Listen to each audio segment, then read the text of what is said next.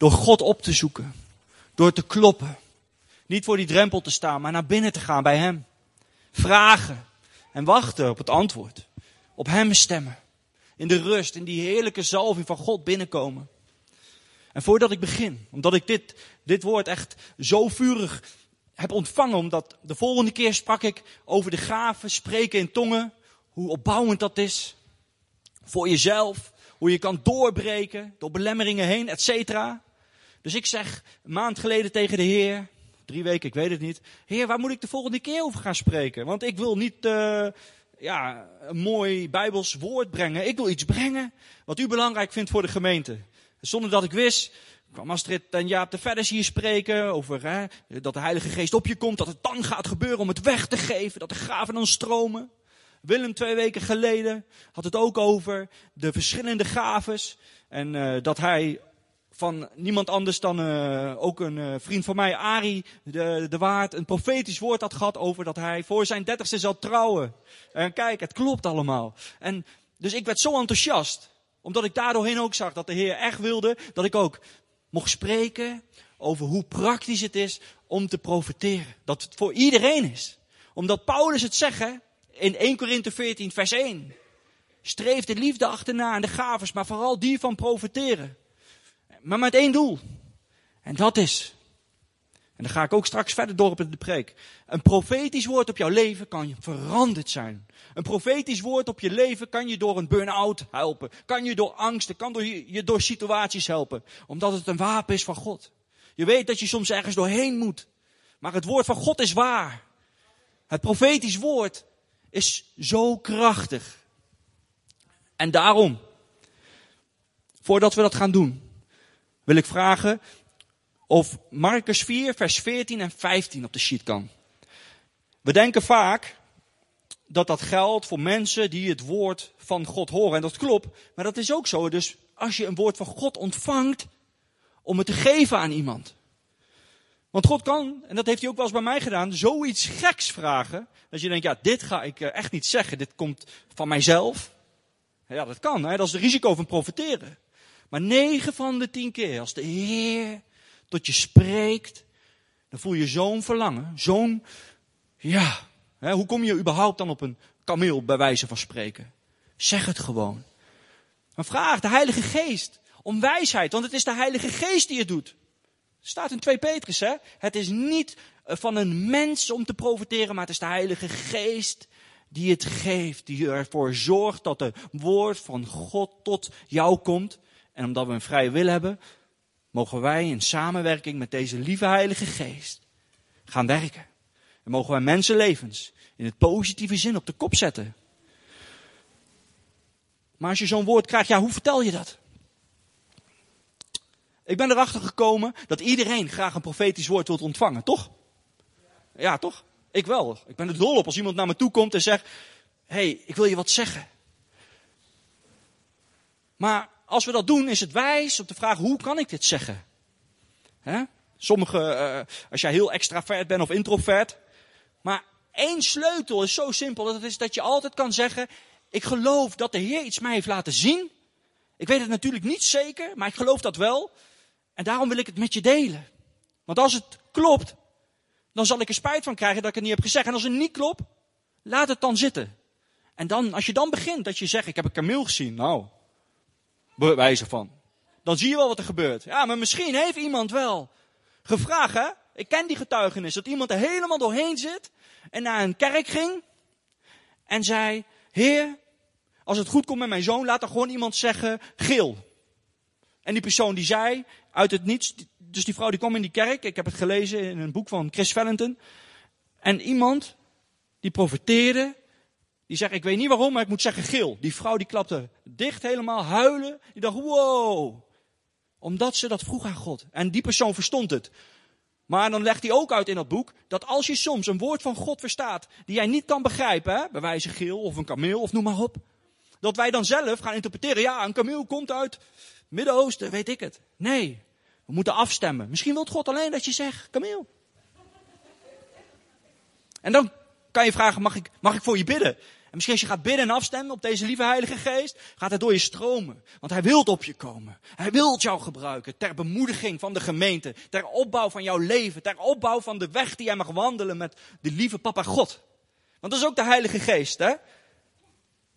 Romeinen 8, vers 15. De geest van God laat ons weten dat wij kinderen zijn die het uitschreeuwt naar Abba, vader. Hè? En het Hebreeuws is Abba, papa. Toen ik in Israël was, hoor je al die kleine kindjes Abba, Abba, Abba roepen. Geweldig. Maar wat we hier lezen. Oh ja, meteen twee Petrus erbij. Oh, uh, Bijbelkennis deze man. Goed man. Maar ik wou nog eventjes naar Marcus 4, vers 14 en 15. Lekker Anton. Hier, Romeinen af. Ja. Daar staat, de zaaier is hij die het woord zaait. En dit zijn zij bij wie langs de weg gezaaid is en wie het woord gezaaid wordt. En als zij het gehoord hebben, komt de Satan meteen en neemt het woord weg dat in hun hart gezaaid was. Om elkaar te bemoedigen is het ook om lekker uit te stappen. God houdt van jou ongewacht als je ongeacht je fouten maakt. Want van fouten leren we het meest. Ik heb boksen gezeten en als ik verloor, dan zei mijn trainer altijd, je hebt daar in de ring gestaan, dat was een grote overwinning, je gaat daarvan genieten. En wij gaan kijken wat beter kan. En dat deed mijn trainer dan. En dan werd ik door opgebouwd en bemoedigd als ik verloor. Want ja, dat is waar. Zo wilt God ook al zeggen, hé, hey, al klopt het niet, je was bereid omdat je geloofde dat ik tot je sprak. Dat je deelde. Dat is ook een vorm van vertrouwen in God hebben. En daardoor gaan we God steeds beter verstaan. Want er zijn gewoon aspecten dat we soms God niet zo goed verstaan. Daar kunnen we niks aan doen. we leven in het vlees. We leven in een drukke maatschappij, et cetera. Maar nu wil ik iets praktisch gaan doen. En uh, als je echt niet weet wat je moet zeggen, één profetisch woord klopt altijd. En ik heb zo moeten lachen toen de Heilige Geest mij dit openbaarde. Want als ik de straat op ga, ik, het was altijd natuurlijk als je de straat op gaat en voor God gaat werken, geloof ik dat de Heilige Geest spreekt. Maar soms, ook ik, snap niet wat ik zeg. Gewoon simpel, omdat ik niet even de tijd neem van, waarom zeg ik dit toch altijd? 9 van de 10 keer, zonder dat misschien iemand het door hebt, vraag aan jou, hey, waarom zeg jij dat altijd? In mijn geval begin ik vaak met het woord, hey, Jezus houdt van u, of hey, God houdt van u. En nooit bij nagedacht waarom ik dat zei, maar ik voelde altijd dat God wel wilde dat dat de openingszin is wat mij betreft. En toen vroeg iemand aan mij, waarom zeg je dat altijd? Nou, en dat had ik nodig om even na te denken. Van ja, ja, ja ik zei ook, ja, ik geloof uh, dat God wil dat ik dit zeg. En daarom begin ik zo. En uh, als ik kijk wat er gebeurt, 9 van de 10 keer heb ik hele mooie gesprekken. En zie ik wel eens dingen gebeuren. Wauw, weet je wel. En toen zei de Heilige Geest heel simpel tegen mij, omdat dit profetisch woord altijd klopt. Zonder dat ik het wist, ik begin altijd met profetisch woord. Hé hey gast, God houdt van jou. Als je dat zegt, spreek jij profetisch zonder dat je het door hebt. Dus als je denkt van, ja, ik heb nog nooit geprofiteerd, je hebt vast wel tegen iemand gezegd die misschien niet gelooft of vragen had, God houdt van jou. Nou, dan uh, ben jij uh, hartstikke profetisch, joh. Dus steek die maar in je zak. Iedereen kan profiteren. Want wij leven in een nieuw verbond. Heerlijk. De Heilige Geest woont in jou. Hij wil jou onderwijzen. Daarom heerlijk, hè? Om in tongen te spreken.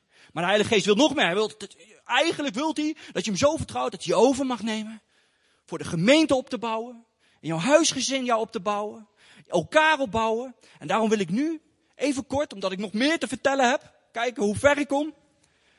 Maar laten we eens een minuut pakken. Draai om. En begin gewoon even de ogen dicht te doen. Dat helpt vaak om te focussen. Als je je ogen open houden, dat werkt ook natuurlijk. Maar mij helpt om mijn ogen dicht te doen. Gewoon om te focussen. Alleen daarom. Maar als je ogen open houdt, prima. En probeer eens je buurman een bemoedigend woord te geven. Niet een bekritisch woord, want dat kan God misschien laten zien. Maar probeer positief te blijven. Vandaag gaan we positief doen. Probeer elkaar een bemoedigend woord te geven. Vertrouw God hierin. Start.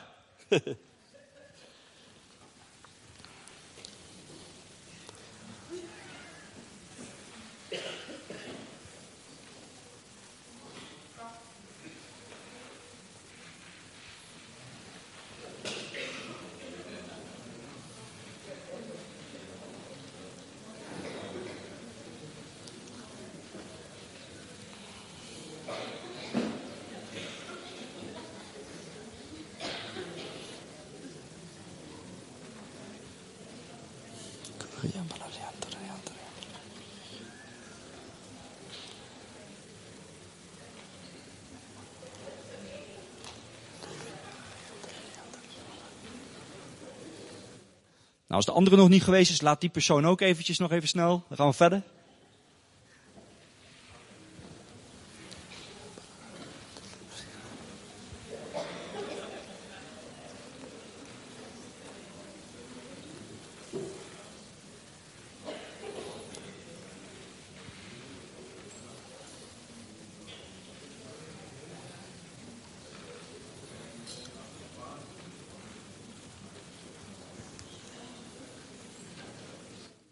Oké, dan gaan we met vijf seconden afsluiten.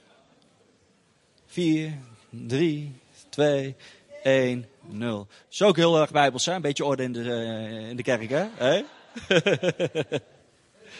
Nou weet ik zelf niet meer waar ik wou, verder wou. Och, help. Oh ja, dat wou ik doen. Uh, Anton, zou je alsjeblieft uh, een foto willen beameren? Die, van, die getekend is met Jezus, onder andere erop. De mooiste tekening. Ja, ik wacht twee seconden. Of bedoelde die twee minuten? Ja.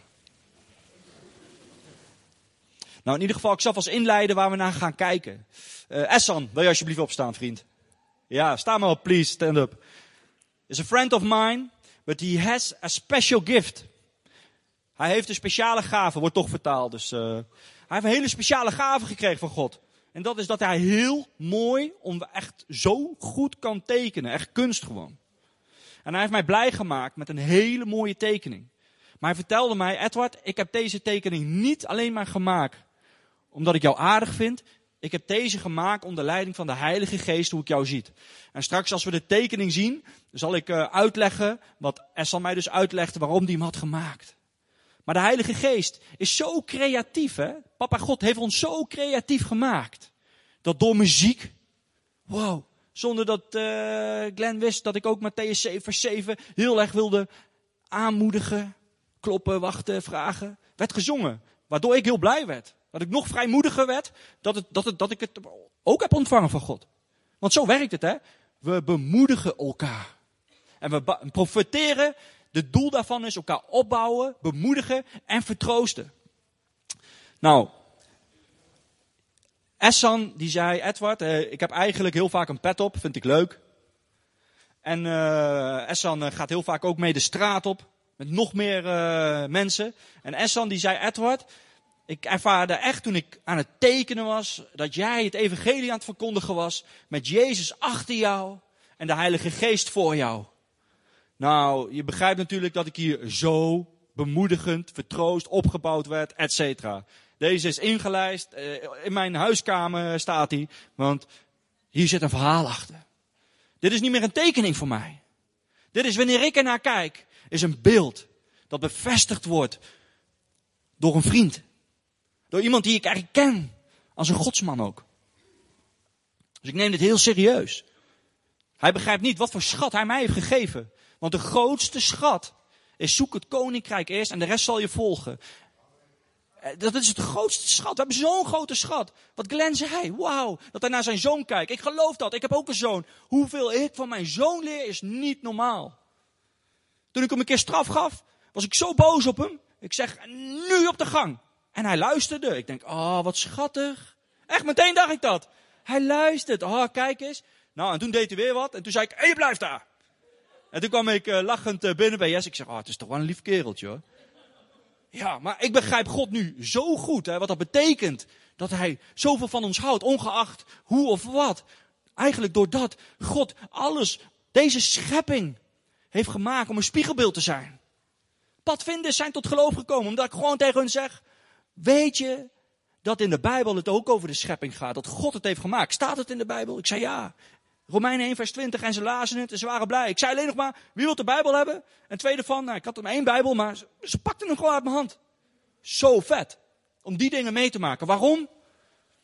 Omdat ik geloof, als ik op straat ga, dan is het niet meer Edward, maar Jezus. Mensen vragen wel eens. Mijn vader, die, die, die, die is echt bang dat me, dat me een keer wat overkomt. Ik zelf ook soms, maar het gaat vanzelf. Ik word gedreven door deze Heilige Geest. En wanneer jij helemaal gaat geloven en profetische woorden gaat uitspreken, bewegen met God, profetische woorden ontvangen wil uitdelen, ga je nog meer, nog meer van God ook houden. Want je ziet hoeveel hij je wel niet wil geven. Daarom zegt hij, zet mij op de eerste plek. Niet omdat hij egoïstisch is, dat hij op de eerste plek wil.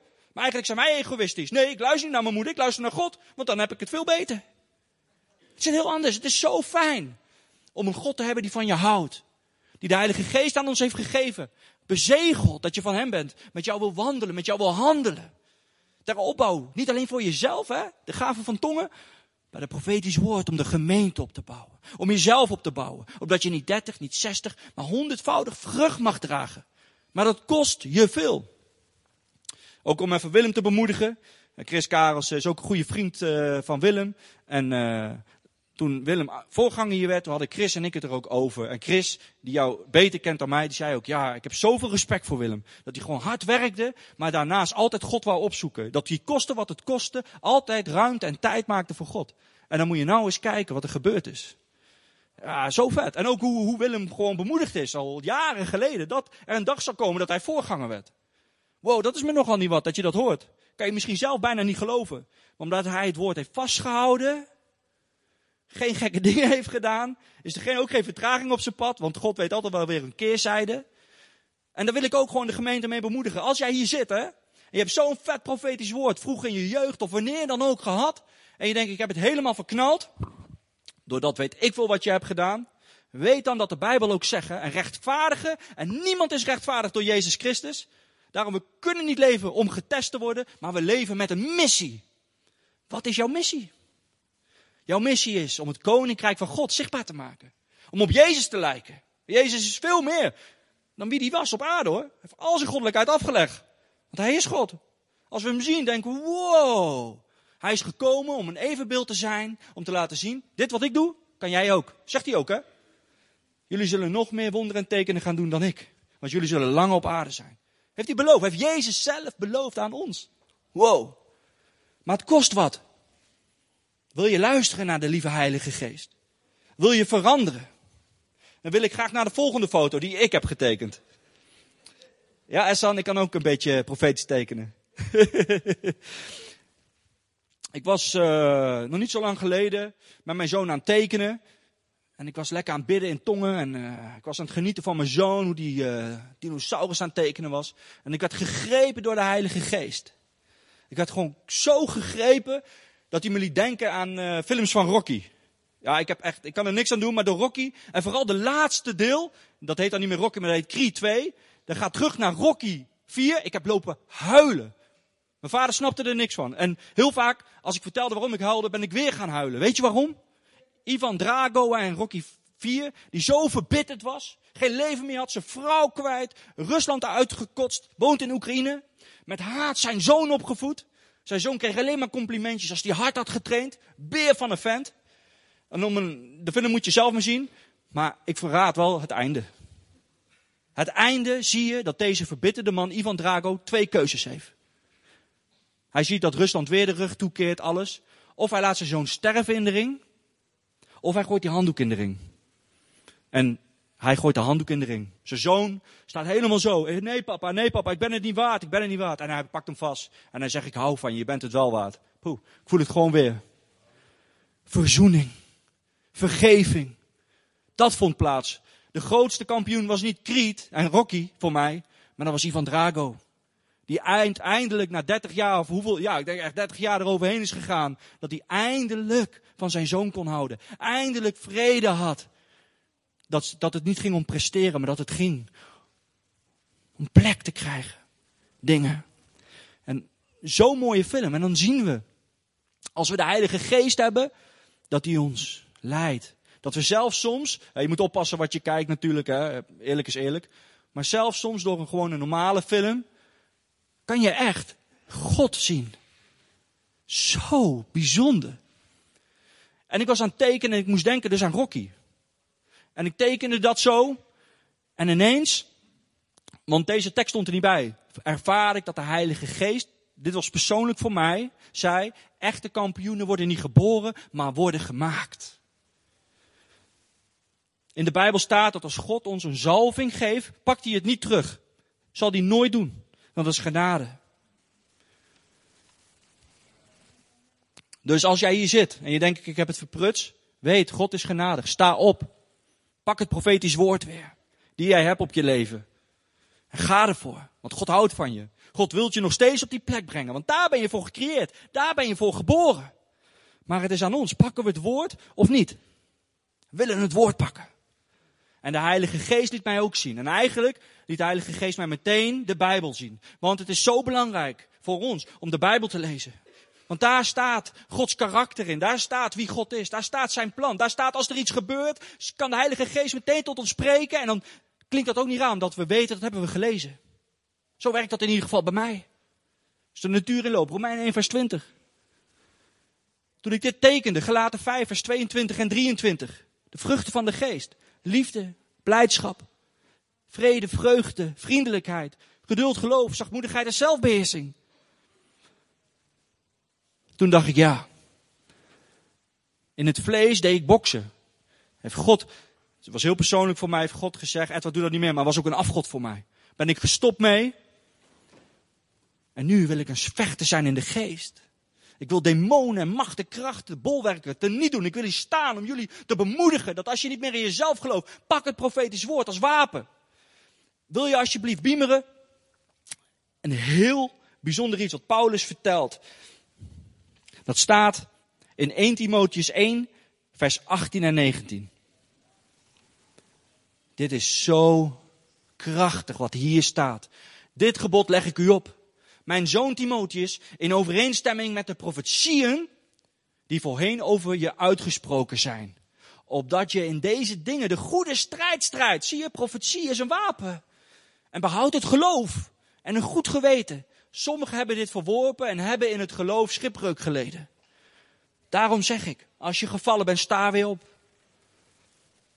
Als je niet gelooft dat je zo'n groot woord op je leven hebt, weet dan wat bij de mensen mogelijk is, is mogelijk bij God. Daarom is het zo fijn om de Bijbel te kennen.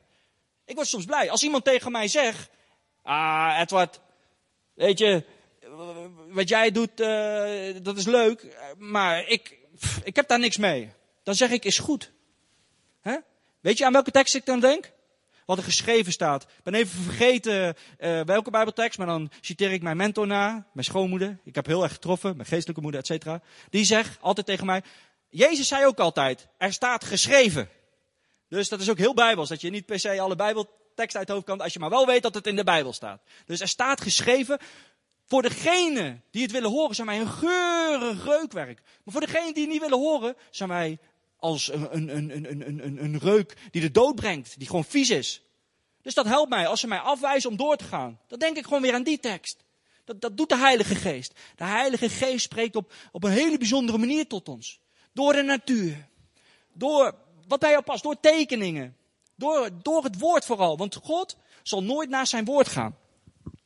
Dus als jij profiteert, weet dan dat het altijd bijbels moet zijn. Als dat dan niet is, dan, dan klopt het gewoon niet. Dat kan niet. Er zijn vier punten waarvan er drie zijn die ons soms kunnen beïnvloeden, waardoor wij denken te kunnen profiteren, maar wat niet waar is. De eerste punt is gewoon je eigen geest. Want je eigen geest komt pas tot leven wanneer we de Heilige Geest ontvangen.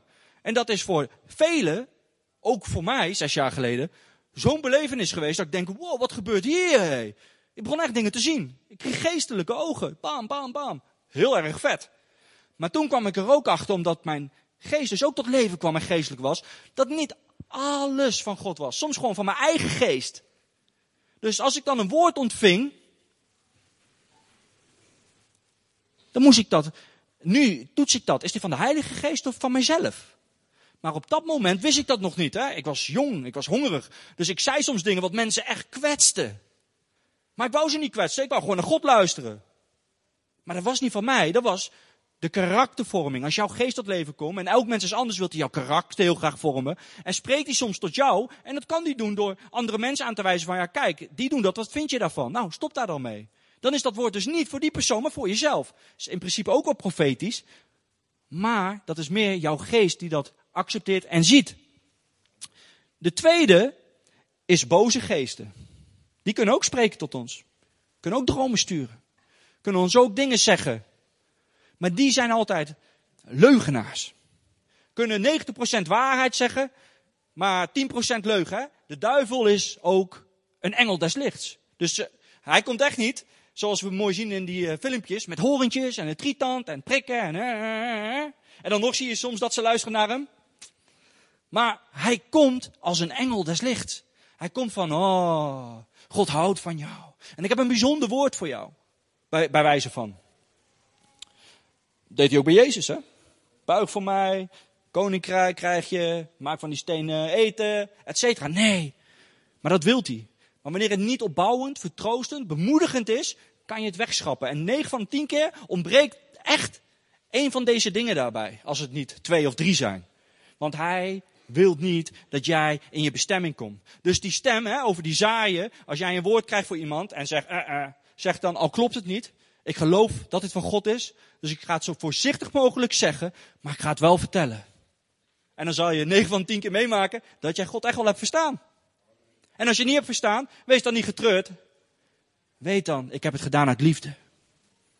En Paulus zegt het, hè, streef de liefde na en de gaven vooral profiteren. Maar vooral de liefde. Als we kijken naar de gaves tussen hoofdstuk 12 en 14 zit 13 hè, van 1 Korinthe.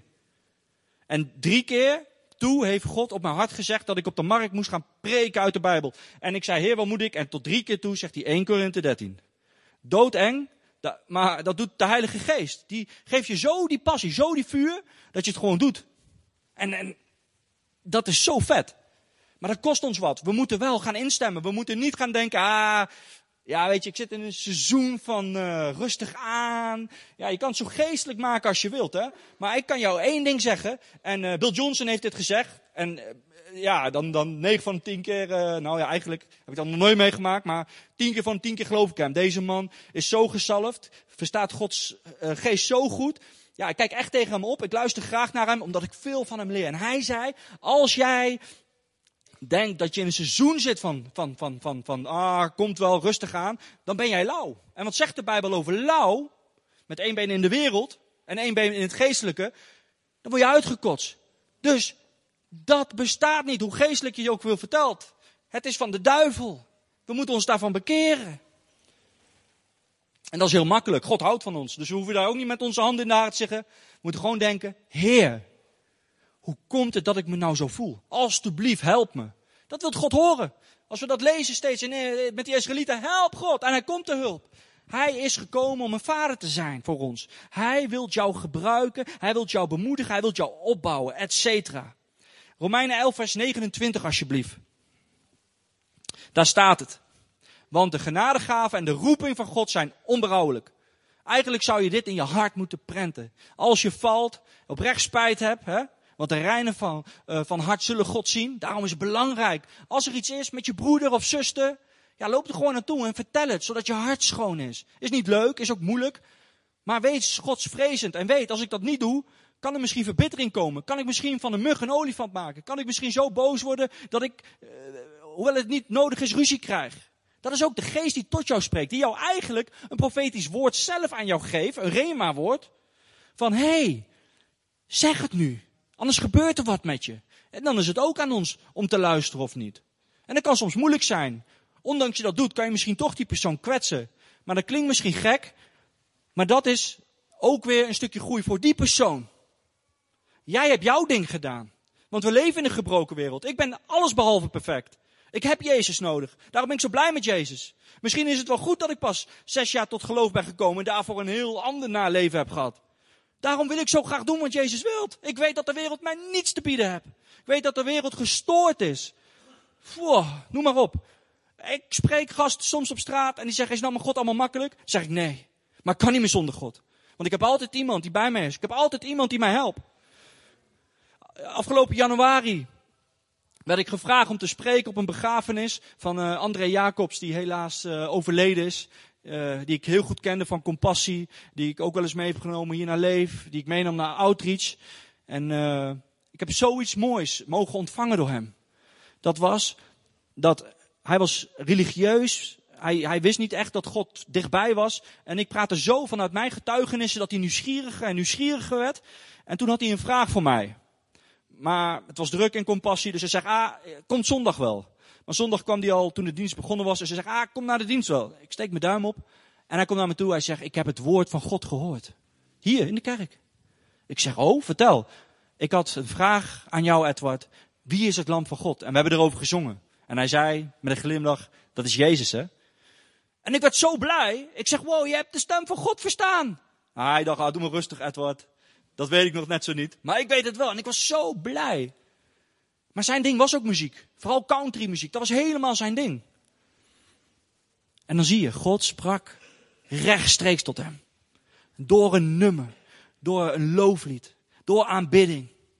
Heb ik mogen zien dat André meer en meer God ging leren kennen. En vroeg hij, of ja, hij dan niet, maar zijn vrouw, of ik, of ik een, een stukje woord wou brengen op de begrafenis. En toen dacht ik, wauw, weet je. Met kerst krijg ik een kaartje van een meisje, omdat ik haar zie staan op straat en heel veel aandacht aan haar geef. Omdat ik dat voel in de geest van God. En zo zijn er nog meer dingen. Maar de grootste uh, rekening die ik, heb, die ik dan krijg, is een kaartje in mijn brievenbus waarop staat Edward bedankt voor alles. Ik krijg tranen in mijn ogen. Daar kan, daar kan, kan nog niet duizend euro tegenop bij mij. Dat een vrouw komt die niet gelooft. Wil jij voor mij, of, of, volgens mij gelooft zij wel, maar zijn dochter niet of zo, maar dat zijn dochter en vrouw komt. Wil je preken voor mijn papa? Denk ik, wow. Weet je, dat is waar het om gaat. Dat is dat, me, dat, je, dat je ziet dat je naast de mensen staat, niet tegenover de mensen. Als we lezen Johannes 2, hoe dat eindigt, dat ze allemaal Jezus willen volgen. Misschien is het goed om te biemeren, de laatste vers van Johannes 2. Daar lezen we iets heel bijzonders, wat mij ogen heeft geopend. Ik heb echt tegen God gezegd, ik begrijp dit niet. Daar staat, hij was nog niet aan het kruis gegaan, hè, Jezus, voor de mensen. Daar staat, Jezus antwoordde en zei tegen hen, breek... Oh nee, dat, uh, die bedoelde ik niet. Ik bedoelde de allerlaatste vers. Deze, deze wil ik zo doen.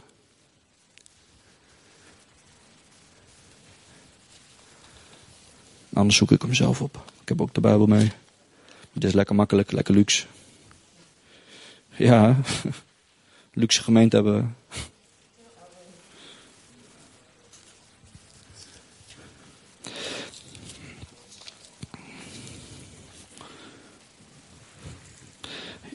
Johannes 2.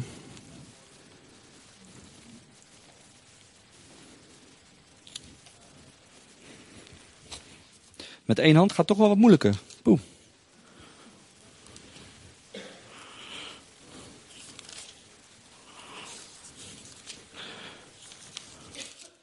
Dit is echt, God is zo genadevol. Als we op hem gaan leren lijken, dan gaat hij ons steeds trainen. En gaan we steeds zien dat wij anders moeten denken.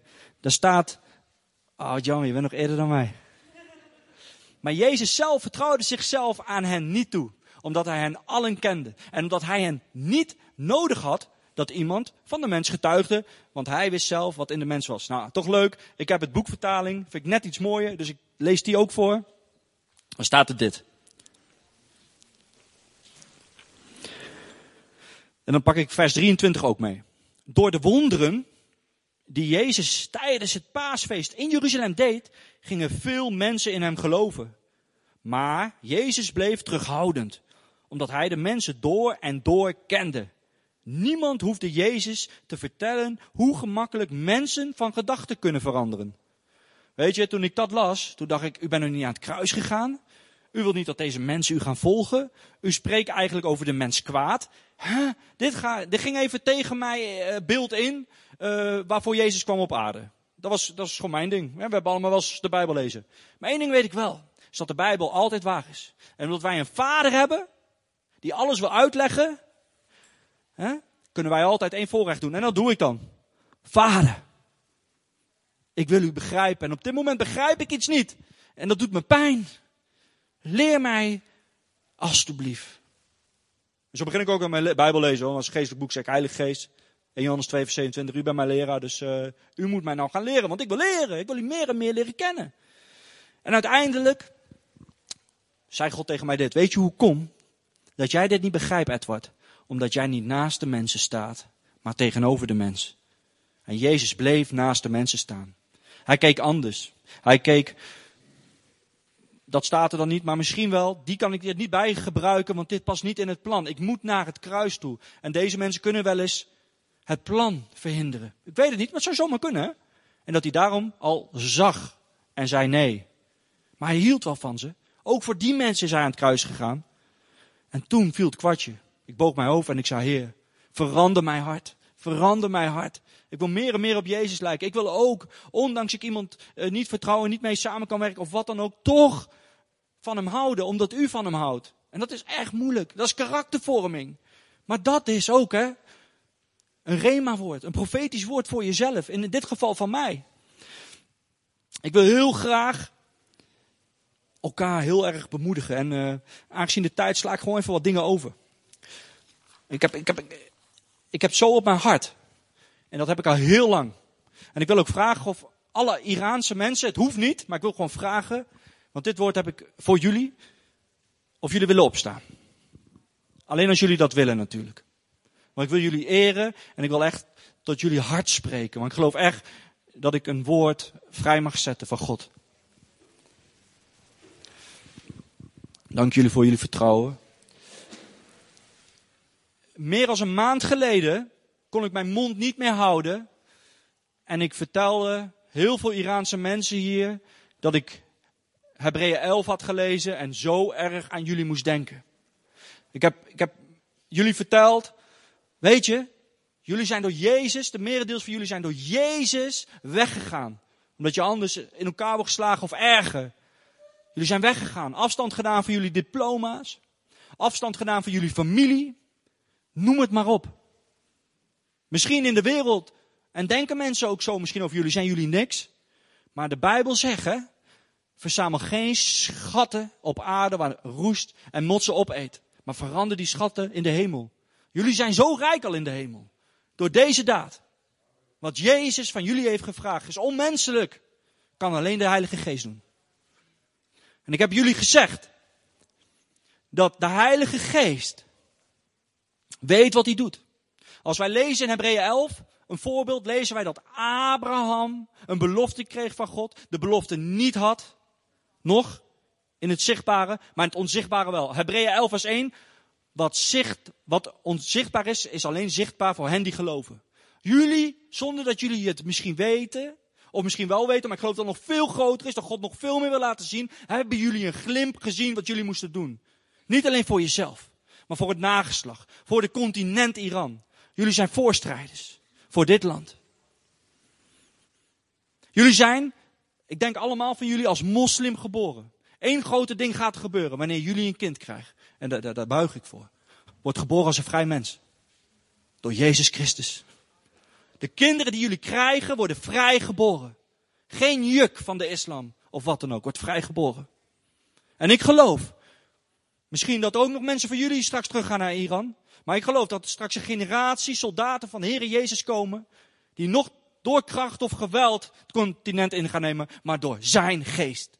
Door de Heilige Geest. Om Iran op te bouwen. Omdat er mensen in de handen staan in de lucht om te zeggen, Jezus leeft. Amen. Jezus leeft. Maar er gebeurde nog iets heel speciaals. Door mijn vriend Essan weer. Hij stuurt mij een appje twee, drie weken geleden. En ik wil heel graag het filmpje laten zien. Now here's what I feel in my soul. And I've been feeling it especially the last few days. And I want you to pray that God will do this one thing. What's, hap- what's happening now inside Iran may very well be the beginning of the downfall of the present regime. I've been feeling it for the last week. Now, I don't know how long before revival, true revival, there's no doubt, is coming to Iran. I am here to declare under the anointing the present regime will collapse. And the church in Iran will be free to hear the gospel. And I don't know.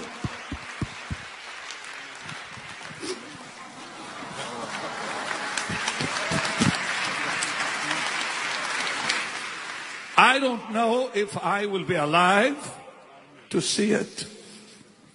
But I know some of you young people are going to preach the gospel in Tehran, Iran. I know it. Prepare yourselves to preach the gospel. Today, the greatest move of God in the Muslim world is happening inside Iran.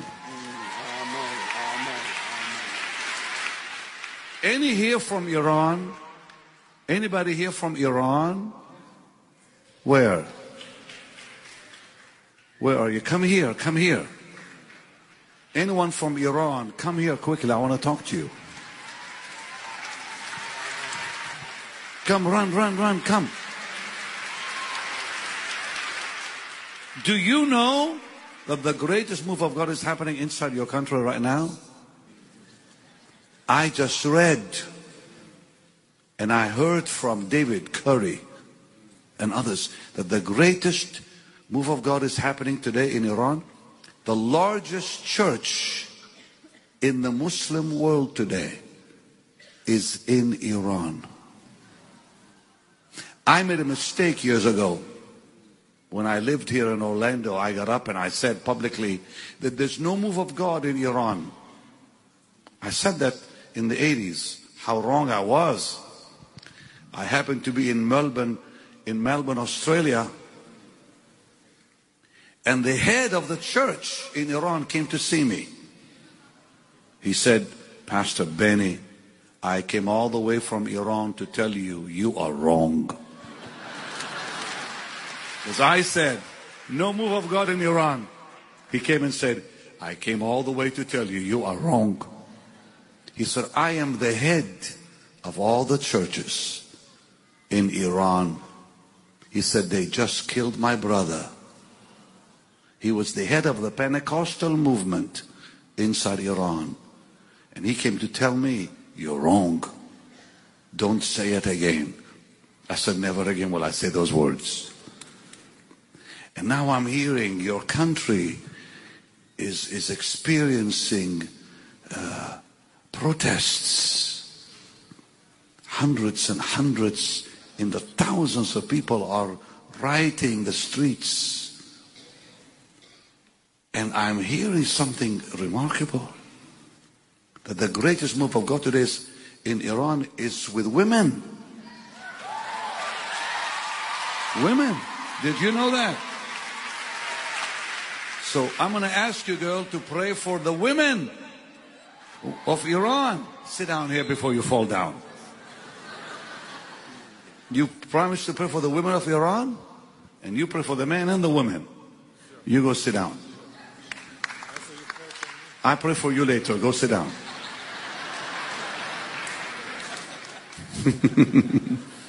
but I must talk to you about this because these are happening now. I can't let you go home without asking you, begging you to pray for Iran. Disconnect from the world. You don't belong here. You're a heavenly people, not an earthly people. Your citizenship is in heaven. Three things.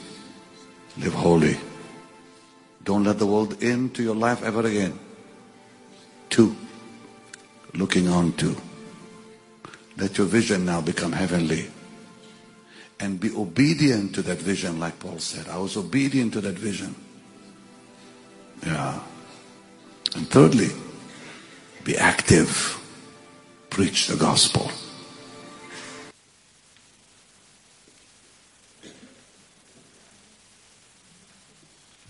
Ja, mooi hè? Ik heb nog veel meer te zeggen. Helaas eh, heb ik daar geen tijd meer voor. Maar wil ik nog twee dingen zeggen. En daar wil ik mee eindigen. Dat is om de laatste foto op de sheet te doen. En te vragen, uh, als dat kan, Hassan, want jij zit achter het geluid, of jij heel even naar voren wil komen. Ja, dat is mijn zoontje, met een vogel. En die vogel, die is letterlijk twee jaar geleden naar mij toe komen vliegen. Ik had twee gratis gaspakietjes gekregen op een hele bijzondere manier. En uh, op een gegeven moment was ik aan bidden, want ik geloofde het was van God. Maar ja, ik weet ook, uit mijn verleden dat twee vogels moeilijk tam te krijgen zijn. Dus bidden, bidden, bidden. En maanden later wandel ik. Kom, kom bij mij staan, vriend. En uh, zie ik ineens uh, een vogel over mijn hoofd vliegen zo. En hij landt zo voor mij neer. En ik had gelukkig een muts in mijn zak en ik pak hem op. En helemaal tam. Ik kon hem zo meenemen. Toen ging er weer een tijd overheen. En een van die twee gasparkietjes ging dood. En mijn vrouw zei tegen mij, Edward, je moet echt een vogeltje bijkopen, want die is daar niet gewend. En ik zeg eigenlijk, zonder echt te beseffen eh, dat het zou gebeuren, als God dat wilt, vliegt er wel weer eentje hier hoor, want ze zijn allemaal hierheen gevlogen. En Caroline die daar zit, steek je hand eens omhoog. Die vond in de sneeuw, rond 10, 11 december, verleden jaar, nee twee jaar geleden, 2017, een gaspakietje. En ze zei, ik moest aan jou denken, Edward. Ik wist, dat klopt. Geef maar. En ik zet hem ook, zonder bang te zijn of hij ziek is of wat dan ook, bij die vogel in de kooi, omdat ik wist, dit, dit is een gebedsvolging. Die vogel heeft een vogeltje nodig. Maar de volgende dag gebeurde het. Hè? Zoeken, kloppen en vragen. Ik zeg, heer, nu heb ik al een jaar lang vogels aangevlogen. Eerst wat ik wil vragen is, ik wil geen vogels meer. Twee kooien in mijn huis. Maar wat ik toch wel graag wil weten is, hoe kan deze vogel het overleefd hebben? Dagenlang sneeuw. Beest was ook helemaal vies zwart van de sneeuw. En toen zei God, Matthäus 6, vers 26. Edward, de vogels zaaien niet, ze maaien niet, maar ik zorg voor ze. Zal ik dan ook niet voor de mens van wie ik zoveel hou, hè? in dit geval voor mij, zorgen? Tranen in mijn ogen. Na een jaar heb ik God eindelijk verstaan. Vier vogels geduurd. God had tot Peter Slebos gesproken dat er heel veel vertalingssets moesten komen. Toen er nog helemaal niks of niemand hier was die een vertalingsset nodig had. Herinneren we dat nog in de bioscoop? Ja. Moet je nou eens kijken. En dan wil ik Hassan vragen, hoe, hoe, hoe noemen jullie die vogel in Iran? Uh, Dutch bride. Duitse bruid. Arizona and Dutch bride, yes. Literal translation would be Dutch bride. Hollandse bruid noemen ze deze vogel in Iran. Dankjewel. Ja. Is profiteren niet bemoedigend, opbouwend en vertroostend? Amen.